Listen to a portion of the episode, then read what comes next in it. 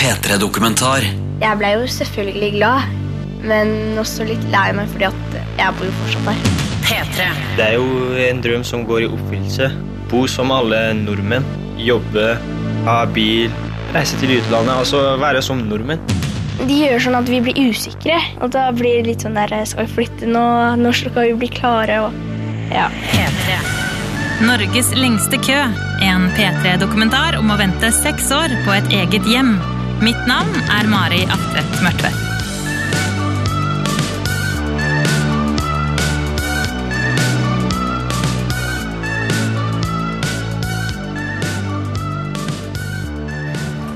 Hvis vi begynner nå Når vi ser på dette bildet, her, er det litt uklart? Ser dere hva som eh, Vi er i andre klasse på Gol videregående skole i Hellbillislandet Hallingdalen. Lærer Kjellbjørn står foran klassen med mørkt hår, litt grann skjegg og tyggegummi. Se nå. Ble det skarpt. Han har akkurat starta historietime. Hvordan er det på det høye bildet til høyre? Sikkert sånn her Nei, det er sånn Aflaton-folk. Det er sånn Du vet sånn eh, Hva var det de het? Vent, da. På bakerste benk nede ved vinduet sitter Mosen. Han prøver å finne svar på en oppgave, og i det klasserommet her så er det en av de siste gangene han gjør nettopp det. Han skal nemlig snart flytte til Øyer, og kompisene Erlend og Fredrik de kommer til å savne han. Eh, I fjor så hadde han noen eh, replikker til den satt, en jente han satt ved siden av i klassen. Som ble som dagens høydepunkt hver gang han dro eh, replikken. Hva var det, da? Nei, den må han si selv, tror jeg. Skal jeg liksom bare ta et eksempel av det jeg sa? Det med været, ikke sant. Ja, for eksempel at det er så fint vær i dag, men at du er enda finere. Og så var det regn. Og av og til så var det regn og sånt, ikke sant. Så da, han, da dro spøken allikevel. Så det var bra. Ja, ja. Mosen har jo også fortalt at eh, når han forhåpentligvis blir lege, at eh, dere har tenkt til å få gratis behandling. Ja, vi forventer å ha han som fastlege. Så da er vi, føler vi at vi er i sikre hender. Ja, hvor flink er Mosen på skolen? Han er særdeles flink i naturfag. Der er virkelig, han er virkelig interessert og virkelig flink i det han driver med i naturfag. Så det er veldig imponerende å se på. Mosen kom fra Iran for seks år siden sammen med familien sin. Han ser ut som en sånn indisk Bollywood-skuespiller og er kjekk, høy og mørk. Han, Erlend og Fredrik de møttes her på videregående og har blitt godt kjent. Venner for livet. Eh, ja. Kanskje. Kanskje. Nei. Nei da, det er det. Ja. det, er det. De tre gutta har felles interesser, og det går stort sett i fotball og Fifa. De er helt vanlige tenåringsgutter, men én ting er litt annerledes med Mosen, og det er at han bor på et asylmottak. Foreldrene hans får f.eks. ikke lov til å kjøre bil, og for en norsk tenåringsgutt så er det litt vanskelig å forestille seg hvordan det er midt i Bygde-Norge. Nei, det, jeg tror ikke det hadde gått. Da må du i hvert fall ha en god sykkel. Det er, det er tungvint. Du må komme deg til og fra overalt. og Du er liksom avhengig av buss ofte for å komme deg noe sted. Og det er ikke så bra bussrute. Det går liksom én buss om morgenen og to om kvelden, og det er det, liksom. Da må det bli lange dager, i hvert fall. Ja, for dere som er herfra, kan dere forklare hva slags sted er Torpo? Hva skal jeg si? Norges største rundkjøring er vel eh, beste beskrivelsen. Det er, ja, det er litt folk der, det er jo det. Men så ligger det asylmottaket ligger liksom litt, litt utafor der hvor det er folk på Torpo i tillegg. da. Så det ligger liksom utafor et sted som ligger utafor alt annet. Så det, det ligger jo midt i gokk. Hvordan hadde du reagert hvis noen hadde fortalt deg at der må du bo med familien din, og ingen får lov til å kjøre bil? Nei, hvis jeg skulle flytta dit nå, da hadde det vært en grådig overgang, tror jeg. Og det var jo sikkert det for Mosen òg, for han, han var på en måte vant til et liv. Det var ikke sånn at han var vant til et liv fra før, ikke sant. Og så plutselig skal du, du skal bo der, du får ikke lov å jobbe, du får ikke lov å kjøre bil. Det er litt sånn rart. Det er liksom sånne ting som har ikke gått opp for meg, egentlig. Men når jeg begynte å bli kjent med Mosen, så på en måte skjønte du det at det, det her er faktisk litt tungvint. Det, det er litt styr. Mosen er mange ting, men her i Norge så har han først og fremst vært asylsøker. Det har vært hans merkelapp helt siden han kom til landet. Eh, Men for å forstå altså, hvem han egentlig er, og hvor han kommer fra, så kan vi jo ta et lite tilbakeblikk til Iran. Nei, altså I familien min så var jeg en av de rikeste. Så eh, alle ville bli venn med meg. Det er liksom, jeg, jeg var liksom den rike gutten som hadde tilgang til alt, egentlig. I hjemlandet så bodde han med familien sin i et stort hus med tre etasjer. Faren jobba i bank, og de hadde masse familie og venner rundt seg. Men hvordan var det da? Som tiåring så visste du ikke at faren din var politisk aktiv. Plutselig kom politiet på døra. Dere hadde alt. Du var den kule gutten i klassen som alle ville være venn med. Og så plutselig satt du i en lastebil på vei til et land du ikke visste hvor var. Det var eh, litt vanskelig. Fordi jeg måtte, når vi kom til Norge, så måtte jeg bli vant med at eh, liksom, jeg er ikke, jeg, at jeg er ikke den rike gutten for, eh, fortsatt. At jeg må liksom starte på nytt, lære meg språket. Eh, for en stund så jeg på meg som en idiot, egentlig, fordi jeg kunne ikke språket. Jeg bare gikk inn i klassen og hørte på folk, men jeg skjønte ikke hva de sier engang. Ja, det var, altså jeg hadde veldig stor press på meg da når vi kom til Norge. Men eh, heldigvis så lærte jeg meg språket veldig fort, og det hjalp meg veldig mye. Det Er en av de siste gangene det går gjennom den porten her på mottaket? Ja, det håper jeg. Det er ikke sikker, men jeg håper det. Det asylmottaket som Mosen og familien hans bor på, ligger i Torpo og er en nedlagt campingplass midt mellom Ål og Gol, og så ligger det rett ved siden av en stor motorvei. Selve mottaket er en sånn asfaltert plass med små røde campinghytter, et stort hovedhus med nasjonalromantisk pynt, ganske fælma maling og masse folk fra hele verden. Så nå står vi og ser utover en eh, liten eh, lekeplass hvor det sitter noen eh, damer under et tre, og så sitter det et par barn og husker. Hvor mange nasjonaliteter tror du vi ser bare når vi ser utover her nå? Fire. Du vet det. Ja. Ja. Hvor er de fra? Nei, de der to barna er fra Norge. Og så er de tre damene En av dem kommer fra Syria. Den andre kommer fra Den husker jeg ikke, men hun kommer, ikke, hun kommer fra et annet land i hvert fall. Og den ene kommer fra Palestina. Så fire land. Mosen var bare ti år gammel da han kom til Norge sammen med mamma, pappa og den fire år yngre lillesøstera si. De søkte asyl fordi faren fikk politiske problemer i hjemlandet, men da de kom hit, så fikk de egentlig ikke lov til å bli her. Da vi kom til Norge, så Altså, jeg hadde ikke hørt om noe som het asylsøker, eller at man må vente helt til man får oppholdstillatelse og sånn. Jeg tenkte med en gang ok, nå er vi i Norge. Da får man et hus, og så skal vi gjøre det samme som vi gjorde i Iran. Men etter at vi kom til mottaket, og etter at det gikk en tid, så skjønte jeg greia, og da, da var det litt vanskelig. Fordi etter at vi fikk avslag etter avslag, så begynte jeg å skjønne hele greia. Og greia er at asylpolitikk handler om å vente. De fleste som bor i asylmottak, venter i flere år på å få komme ut i arbeidslivet, få seg et sted å bo, lære norsk og da til slutt starte et nytt liv i Norge. Venting er gøy når det er sånn, kanskje en dag, to dag, en måned. Altså maks ett år, men ikke seks år. Det er liksom altfor mye. Og det er liksom venting på, en, på noe som eh, skal avgjøre hvordan livet ditt skal være. Altså, Hvis man blir sendt tilbake hjem, så blir livet deres ødelagt. Fordi det er liksom Hvorfor har de rømt fra det landet? Det er fordi de har sikkert et eller annet problem, og de trenger hjelp. Det er derfor de har søkt hjelp her i Norge. Så hvis de blir sendt tilbake, da blir livet deres sikkert ødelagt. Og eh, ja, det er liksom venting på noe avgjørende i livet deres. Hvis du skal eh, beskrive stress, hva er på en måte det stresset for folk som aldri har, eh, har opplevd det? Altså stress av å bli sendt tilbake til et land som du har rømt fra pga. Eh, problemene du har hatt. Stress fra Stress fra å bli død. Hvis, altså, det er jo det, fordi hvis man blir sendt tilbake, så eh, farer man livet sitt. Altså, det er liksom livet ditt som blir satt i fare. Hvordan har det vært å vokse opp i den situasjonen hvor hele familien er under så mye stress? Det er selvfølgelig ganske vanskelig. Det var fordi det, var, det er liksom Det er vanskelig å eh, konsentrere seg på andre ting. Det er liksom Halvparten av hjernen ditt handler bare om eh, avslag. Når skal vi få opphold? Hvorfor har vi fått avslag?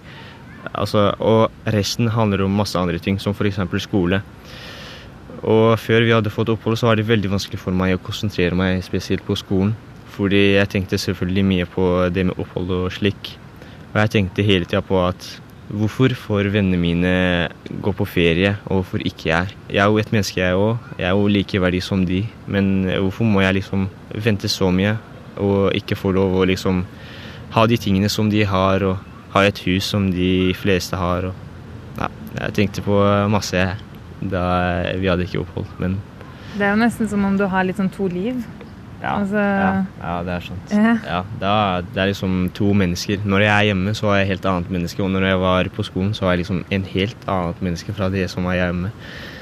Når jeg er på skolen, så måtte jeg være glad, konsentrere meg, det, konsentrere meg på det som skjer på skolen. Spesielt det læreren sa, og lekser og masse sånt. Og når jeg kom hjem Jeg prøvde å konsentrere meg på det som hadde skjedd på skolen, og gjøre lekser og sånn, men eh, det var litt vanskelig. Og det var slik at spesielt på fotballtreninger og sånn, så tenkte jeg også på eh, det med problemene mine. Da, altså når man tenker på problemene sine i fotballtrening, da er det sikkert alvor. Altså, det er en skikkelig rar følelse å gå rundt på et asylmottak. Ål statlig mottak ligger i en mørk dal i Bygde-Norge og kan minne litt om en gammel seter uten noe kontakt med resten av verden. Det er ikke et fysisk gjerde rundt området her, men det føles allikevel som et fengsel av følelser, frykt og misunnelse. I juli bor det 114 folk her fra tolv forskjellige land. Noen har overlevd krig, noen politisk forfølgelse, og andre kan ha blitt torturert i fengsel. Noen vet at de skal få bli her i Norge, noen venter på å få svar, og andre har fått beskjed om å reise tilbake til et land de har flykta fra. Etter at vi fikk vite at eh, vi har fått opphold, så husker jeg ingenting. Altså, toget var i Hønefoss når vi fikk vite det, og det er liksom ca. to timer herifra til Hønefoss. Men tiden gikk ganske fort, og det, liksom, det gikk ett sekund, og da var vi her. Um, wow. Alt var så annerledes at jeg følte meg som en, liksom, som en nordmenn. Jeg har ikke ord for å eh, beskrive den dagen, egentlig. En av de fineste dagene i mitt liv som jeg kommer til å huske på hele tida. I Norge så har man jo en sånn saying som heter 'Hvor var du da Oddvar Brå eh, brakk staven?' Mens for din familie så er det sånn altså Hvor var du da dere fikk beskjeden om at dere får lov til å være i Norge? Jeg, jeg, jeg vet ikke. Jeg, jeg så faktisk på en film i, på mobilen min før advokaten ringte. Så jeg var liksom inn i, den, eh, inn i tankene på den eh, filmen. Altså, den Hva slags film var det? den, handler, den heter Great Balls of Fire. Handler om Jerry Lee Lewis sin eh, karriere, da. Så jeg tenkte mye på det. Great balls of fire. I let you love what I thought it was funny. You came along and woo, now honey, I've changed my mind. This love is fine. Goodness gracious, great balls of fire. Kisses, baby. Og så plutselig avslutta filmen, så kom nummeret til advokaten vår. Så eh, jeg var i den Altså, jeg var i, i 1950-1960-tallet da, da jeg fikk vite det. Det er liksom ganske vanskelig å beskrive det også, fordi det er, det er liksom Slike stunder i livet er liksom veldig vanskelig å beskrive, fordi det skjer ikke så ofte. Spesielt det med oppholdstillatelse. Det skjer bare én gang i livet. Hva snakka dere om da? Fra Hønefoss til eh, Ål? Nei, at eh, hvordan bildene til passet skal se ut og sånn. Eh, om eh, ja. Hvordan skal de se ut, da? Nei, jeg vet ikke. Jeg sa at jeg skal se ganske seriøst ut. Sånn eh, at hvorfor har jeg fått oppholdstillatelse etter seks år? Da skal jeg være liksom ganske seriøst. Og at eh, hvilken hus skal vi velge Hvordan skal huset vårt være, og eh, hvilken bil skal vi velge, og eh, hvilken bil skal vi kjøpe, og hvilken land skal vi reise til første gang, og masse sånt. Så hvordan er det egentlig å vokse opp på et asylmottak med veldig lite penger? For å ta et eksempel, da. Mosen har aldri vært i et fly. Han har aldri sett Vestlandet, Nord-Norge eller Sør-Norge. I sommerferiene, påskeferiene og juleferiene så sitter han stort sett på asylmottaket og leser fordi kompisene hans er på ferie, og de kan ikke kjøre noe sted fordi faren hans kan ikke ta lappen uten pass. Nesten ingen av de voksne på mottaket snakker norsk, men én ting kan de snakke om, og det er å vente.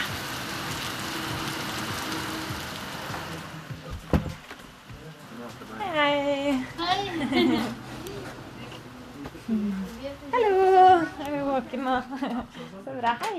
Det her kunne jo vært eh, familiens nye hus i Øyer, men det er det ikke. Vi er nå i juli, og selv om Mosen og familien hans fikk vite at de får lov til å bli i Norge i april, så venter de fortsatt på å få et hjem å flytte til. Mens de venter, så bor de fortsatt på asylmottaket i denne lille campinghytta på ca. 35 kvadratmeter og to soverom. På innsida så er det ganske lite som minner om at vi fortsatt er i nasjonalromantiske Hallingdalen. De har pynta med persiske tepper, store plastikkblomster, og ved siden av en grønn retrosofa står et lite akvarium. Men det som virkelig gir prikken over i-en og minner om at dette her er litt annerledes, det er lukta av krydder og eksotisk digg mat. Hva lager du? Jeg lager mat kurdisk. Kurdisk mat? Ja, kurdisk mat. Hva heter den? Mm, den paprika, tomat pi- دزانم ئەوەی دۆڵما ئەوە نێوچی باینجان ڕەشەوشت Det heter dolma. ئەوەش کردم Det er sånn دۆڵما rett som er liksom Den Et eksempel. Ja, det er sånn hovedrett da, for kurdisk rett. Vi spiser kjøttdeig blanda med linser og rare grønnsaker pakka inn i kålblader. Stemningen rundt middagsbordet er skikkelig god, og spesielt når vi snakker om at de skal få bli i Norge. Før, da familien levde med avslag, så fikk de bare 6000 kroner for alle fire hver måned. Foreldrene fikk ikke lov til å jobbe, og heller ikke mulighet til å lære norsk. Nå føles det som om alle fire står på toppen av en fjelltopp og er klare til å hoppe inn i sitt nye liv. De mangler bare fallskjermen, og når de får den, så kommer alt til å forandre seg. Eh, heldigvis så er det slik at vi har fått vite kommunen vår og eh, har fått vite at vi skal heldigvis flytte om maks tre uker. Eh, det er litt rart at det tok så lang tid, altså seks år liksom, for at vi skal få opphold, men heldigvis så kom vår kommune ganske fort. Hvordan tror du det hadde vært da, dersom dere skulle fortsatt å vente på et sted å få, få bo? Nei, det hadde vært ganske vanskelig. Ganske, ganske vanskelig, fordi uh, Ja. Jeg vet, ikke, jeg vet ikke hvordan jeg skal beskrive det. Fordi altså, seks år er ganske nok. Men hvordan var det mm, da dere på en måte endelig fikk beskjed om at dere får lov til å være i Norge, da? Jeg ble jo selvfølgelig glad, men også litt lei meg fordi at jeg bor jo fortsatt her. Så jeg blir kjempeglad hvis jeg, hvis jeg flytter da, liksom i august. Så da blir det helt topp. Du er jo bare, tolv er bare 12 år. Det er ikke så mange tolvåringer som har opplevd så mye i livet som det du har. Har allikevel tankene dine fra før dere fikk opphold til etterpå, har de forandra seg litt på veien? De har forandret seg, men ikke så veldig. Ja, de, jeg klarer fortsatt ikke å ikke tenke på de dårlige tankene. Men eh, selvfølgelig så prøver jeg. Fordi nå, nå har jeg fått et sted å bo i. Så ja. Må prøve å leve positivt. Dere har på en måte ikke bodd dere helt inn her heller? Nei. Nei. Det er sant. Eh, Eller jeg vet ikke, det er liksom ikke, det er ikke familiebilder på veggene, og det er på en måte Altså, grunnen til at det er ikke familiebilder her, det er fordi vi har sagt hele tida at vi skal flytte herifra. Det er ikke liksom vårt eh, varehus. Eh, Så det er det som er grunnen til at det er ikke noen familiebilder på veggen. Og heldigvis skal vi flytte snart, da. Så på huset vårt der i Øyer, der skal det henge masse bilder.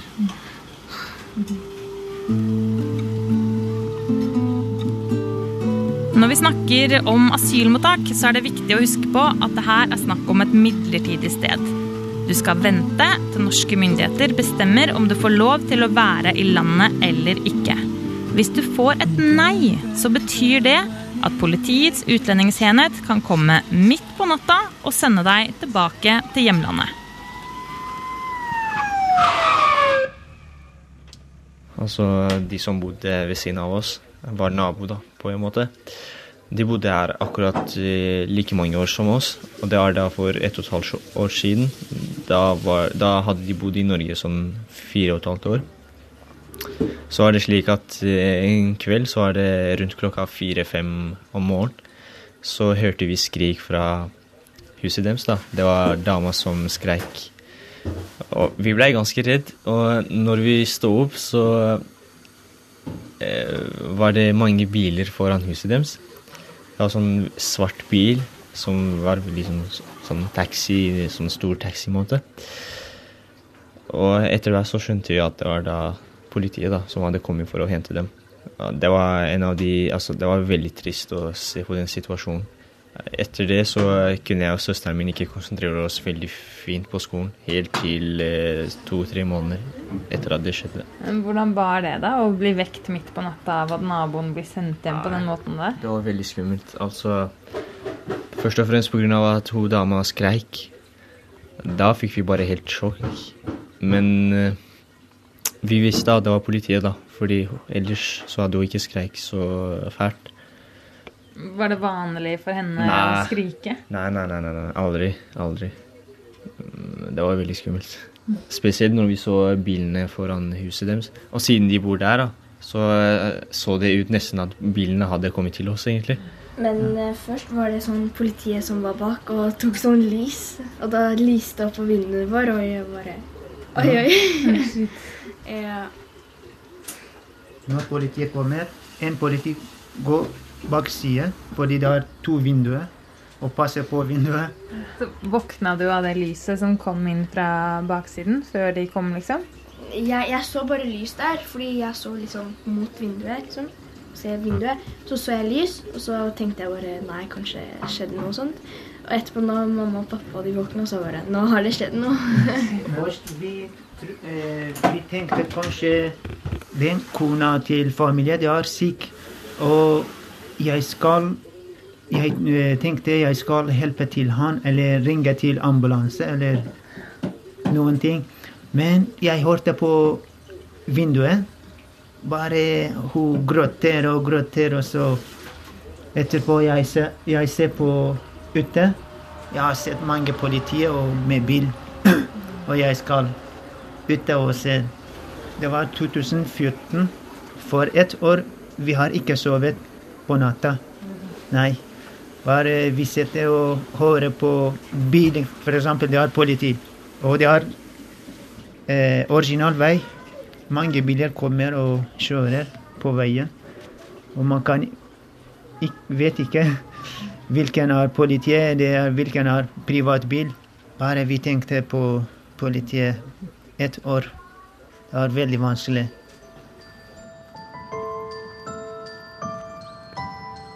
Når vi går rundt på mottaket, så ser vi masse barn som leker i lekestativene, de sykler. Og så tenker jeg, se for deg at det her er din barndom. Se for deg at det er her du vokser opp. Du lærer å gå, å skrive, tegne. Eh, Du husker de blomstene som du plukka til mora di, og så husker du det spesielle jordbærstedet nede ved bekken. Og du husker sikkert også første gang du tryna på sykkel. Og så husker du også at faren din var våken om natta og venta på at politiet kanskje skulle komme for å sende dere tilbake til et sted hvor hele familien ville være i livsfare. Ja, stola Sola tok opp pultene igjen. Bra, Marius. Tilbake på Gol videregående er skoledagen ferdig. Mosen har ingenting å pakke sammen, for han har ikke fått noen egne bøker. Vi er i august, to uker inn i et nytt skoleår, og han skulle jo egentlig ha begynt på en ny skole i Øyer nå, men flyttinga har blitt utsatt. Kommer du torsdag-fredag? Jeg vet ikke. Jeg, hvis jeg ikke flytter, så kommer jeg i morgen. Ja, når vet du da? Eh, I kveld. Ja, ok. Du må ha lykke til. Ja. Nei, du ser meg igjen. Yes, ha det bra. Familien ble jo lova at de skulle få flytte i løpet av sommerferien, Men de bor fortsatt i den bitte lille campinghytta på asylmottaket. Er det siste pakkinga? Ja, det er det. Eller jeg håper at det skal være det. Hvor mange ganger har du og familien pakka siden dere fikk vite at dere skulle flytte til Øyer? Mange ganger. Først pakka vi inn, og så pakka vi ut igjen. Og så pakka vi inn igjen, og så pakka vi ut igjen. Og nå håper jeg at det er siste gang vi pakker liksom totalt. Sånn at vi må ikke pakke ut igjen, da. Så vi får se. Så i løpet av sommeren så har dere pakka ned alt dere har i leiligheten og er klare til å reise? Ja, det, det har vi egentlig gjort to ganger. Vi har vært liksom, fordi de har gitt, gitt oss sånn klare signaler to ganger. Men så plutselig bare Nei, det bor en familie i huset deres, så da må dere vente litt før de flytter seg. Litt sånn, De gjør sånn at vi blir usikre. Og da blir det litt sånn der Skal vi flytte nå? Når skal vi bli klare? Og ja. For da jeg var her i sommer, så var dere nesten sikre på at det skulle ta tre uker til Mm. dere skulle flytte til Øyer. Ja. Men ja, ja. Neste uke. Hva er forklaringen til dere som står midt oppi det, på at dere f.eks. ikke har fått flytta til Øyer ennå? De bare sier at eh, planen har forandret seg. Dere må vente her noen dager til. Men så blir noen, de noen dagene blir til måneder, egentlig. Så jeg, jeg skjønner ikke hele greia. Altså, det er veldig komplisert, det som skjer. Og de, jeg, jeg føler at de har ikke kontroll på det de gjør, egentlig. Det er noe galt, liksom. Og, og hvor er det greia som ikke fungerer, det vet jeg ikke. Men det er noe som ikke fungerer i det systemet, altså i asylpolitikken. Det er noe som ikke fungerer. Så Altså, jeg sier ikke at de ikke prøver. De prøver faktisk veldig mye på å liksom ordne greier veldig fort og sånt. Men det går ikke. En person eller eh, eller flere personer gjør ikke det de skal gjøre. Så håper at de fikser på det. Men nå på mandag Ja, da, Da- da, håper jeg. da. Da. håper jeg virkelig. Ellers så blir jeg ganske sur. Ja. I slutten av august så kunne Mosen og familien telle på én hånd hvor mange dager det var til de skulle flytte. Men sånn var det jo da jeg besøkte de i juli også.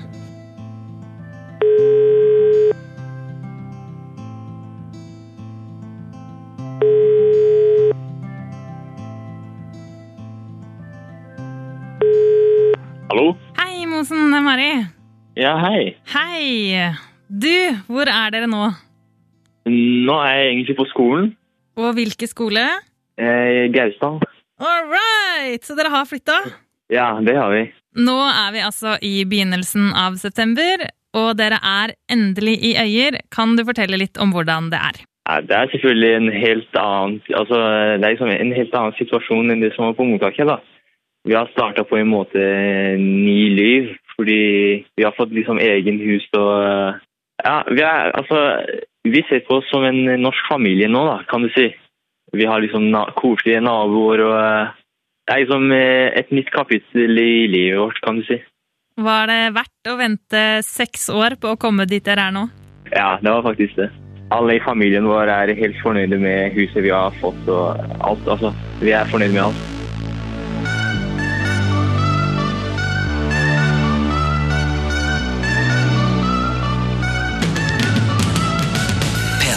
P3-dokumentar søndag klokka ni på P3 og når du vil på p3.no.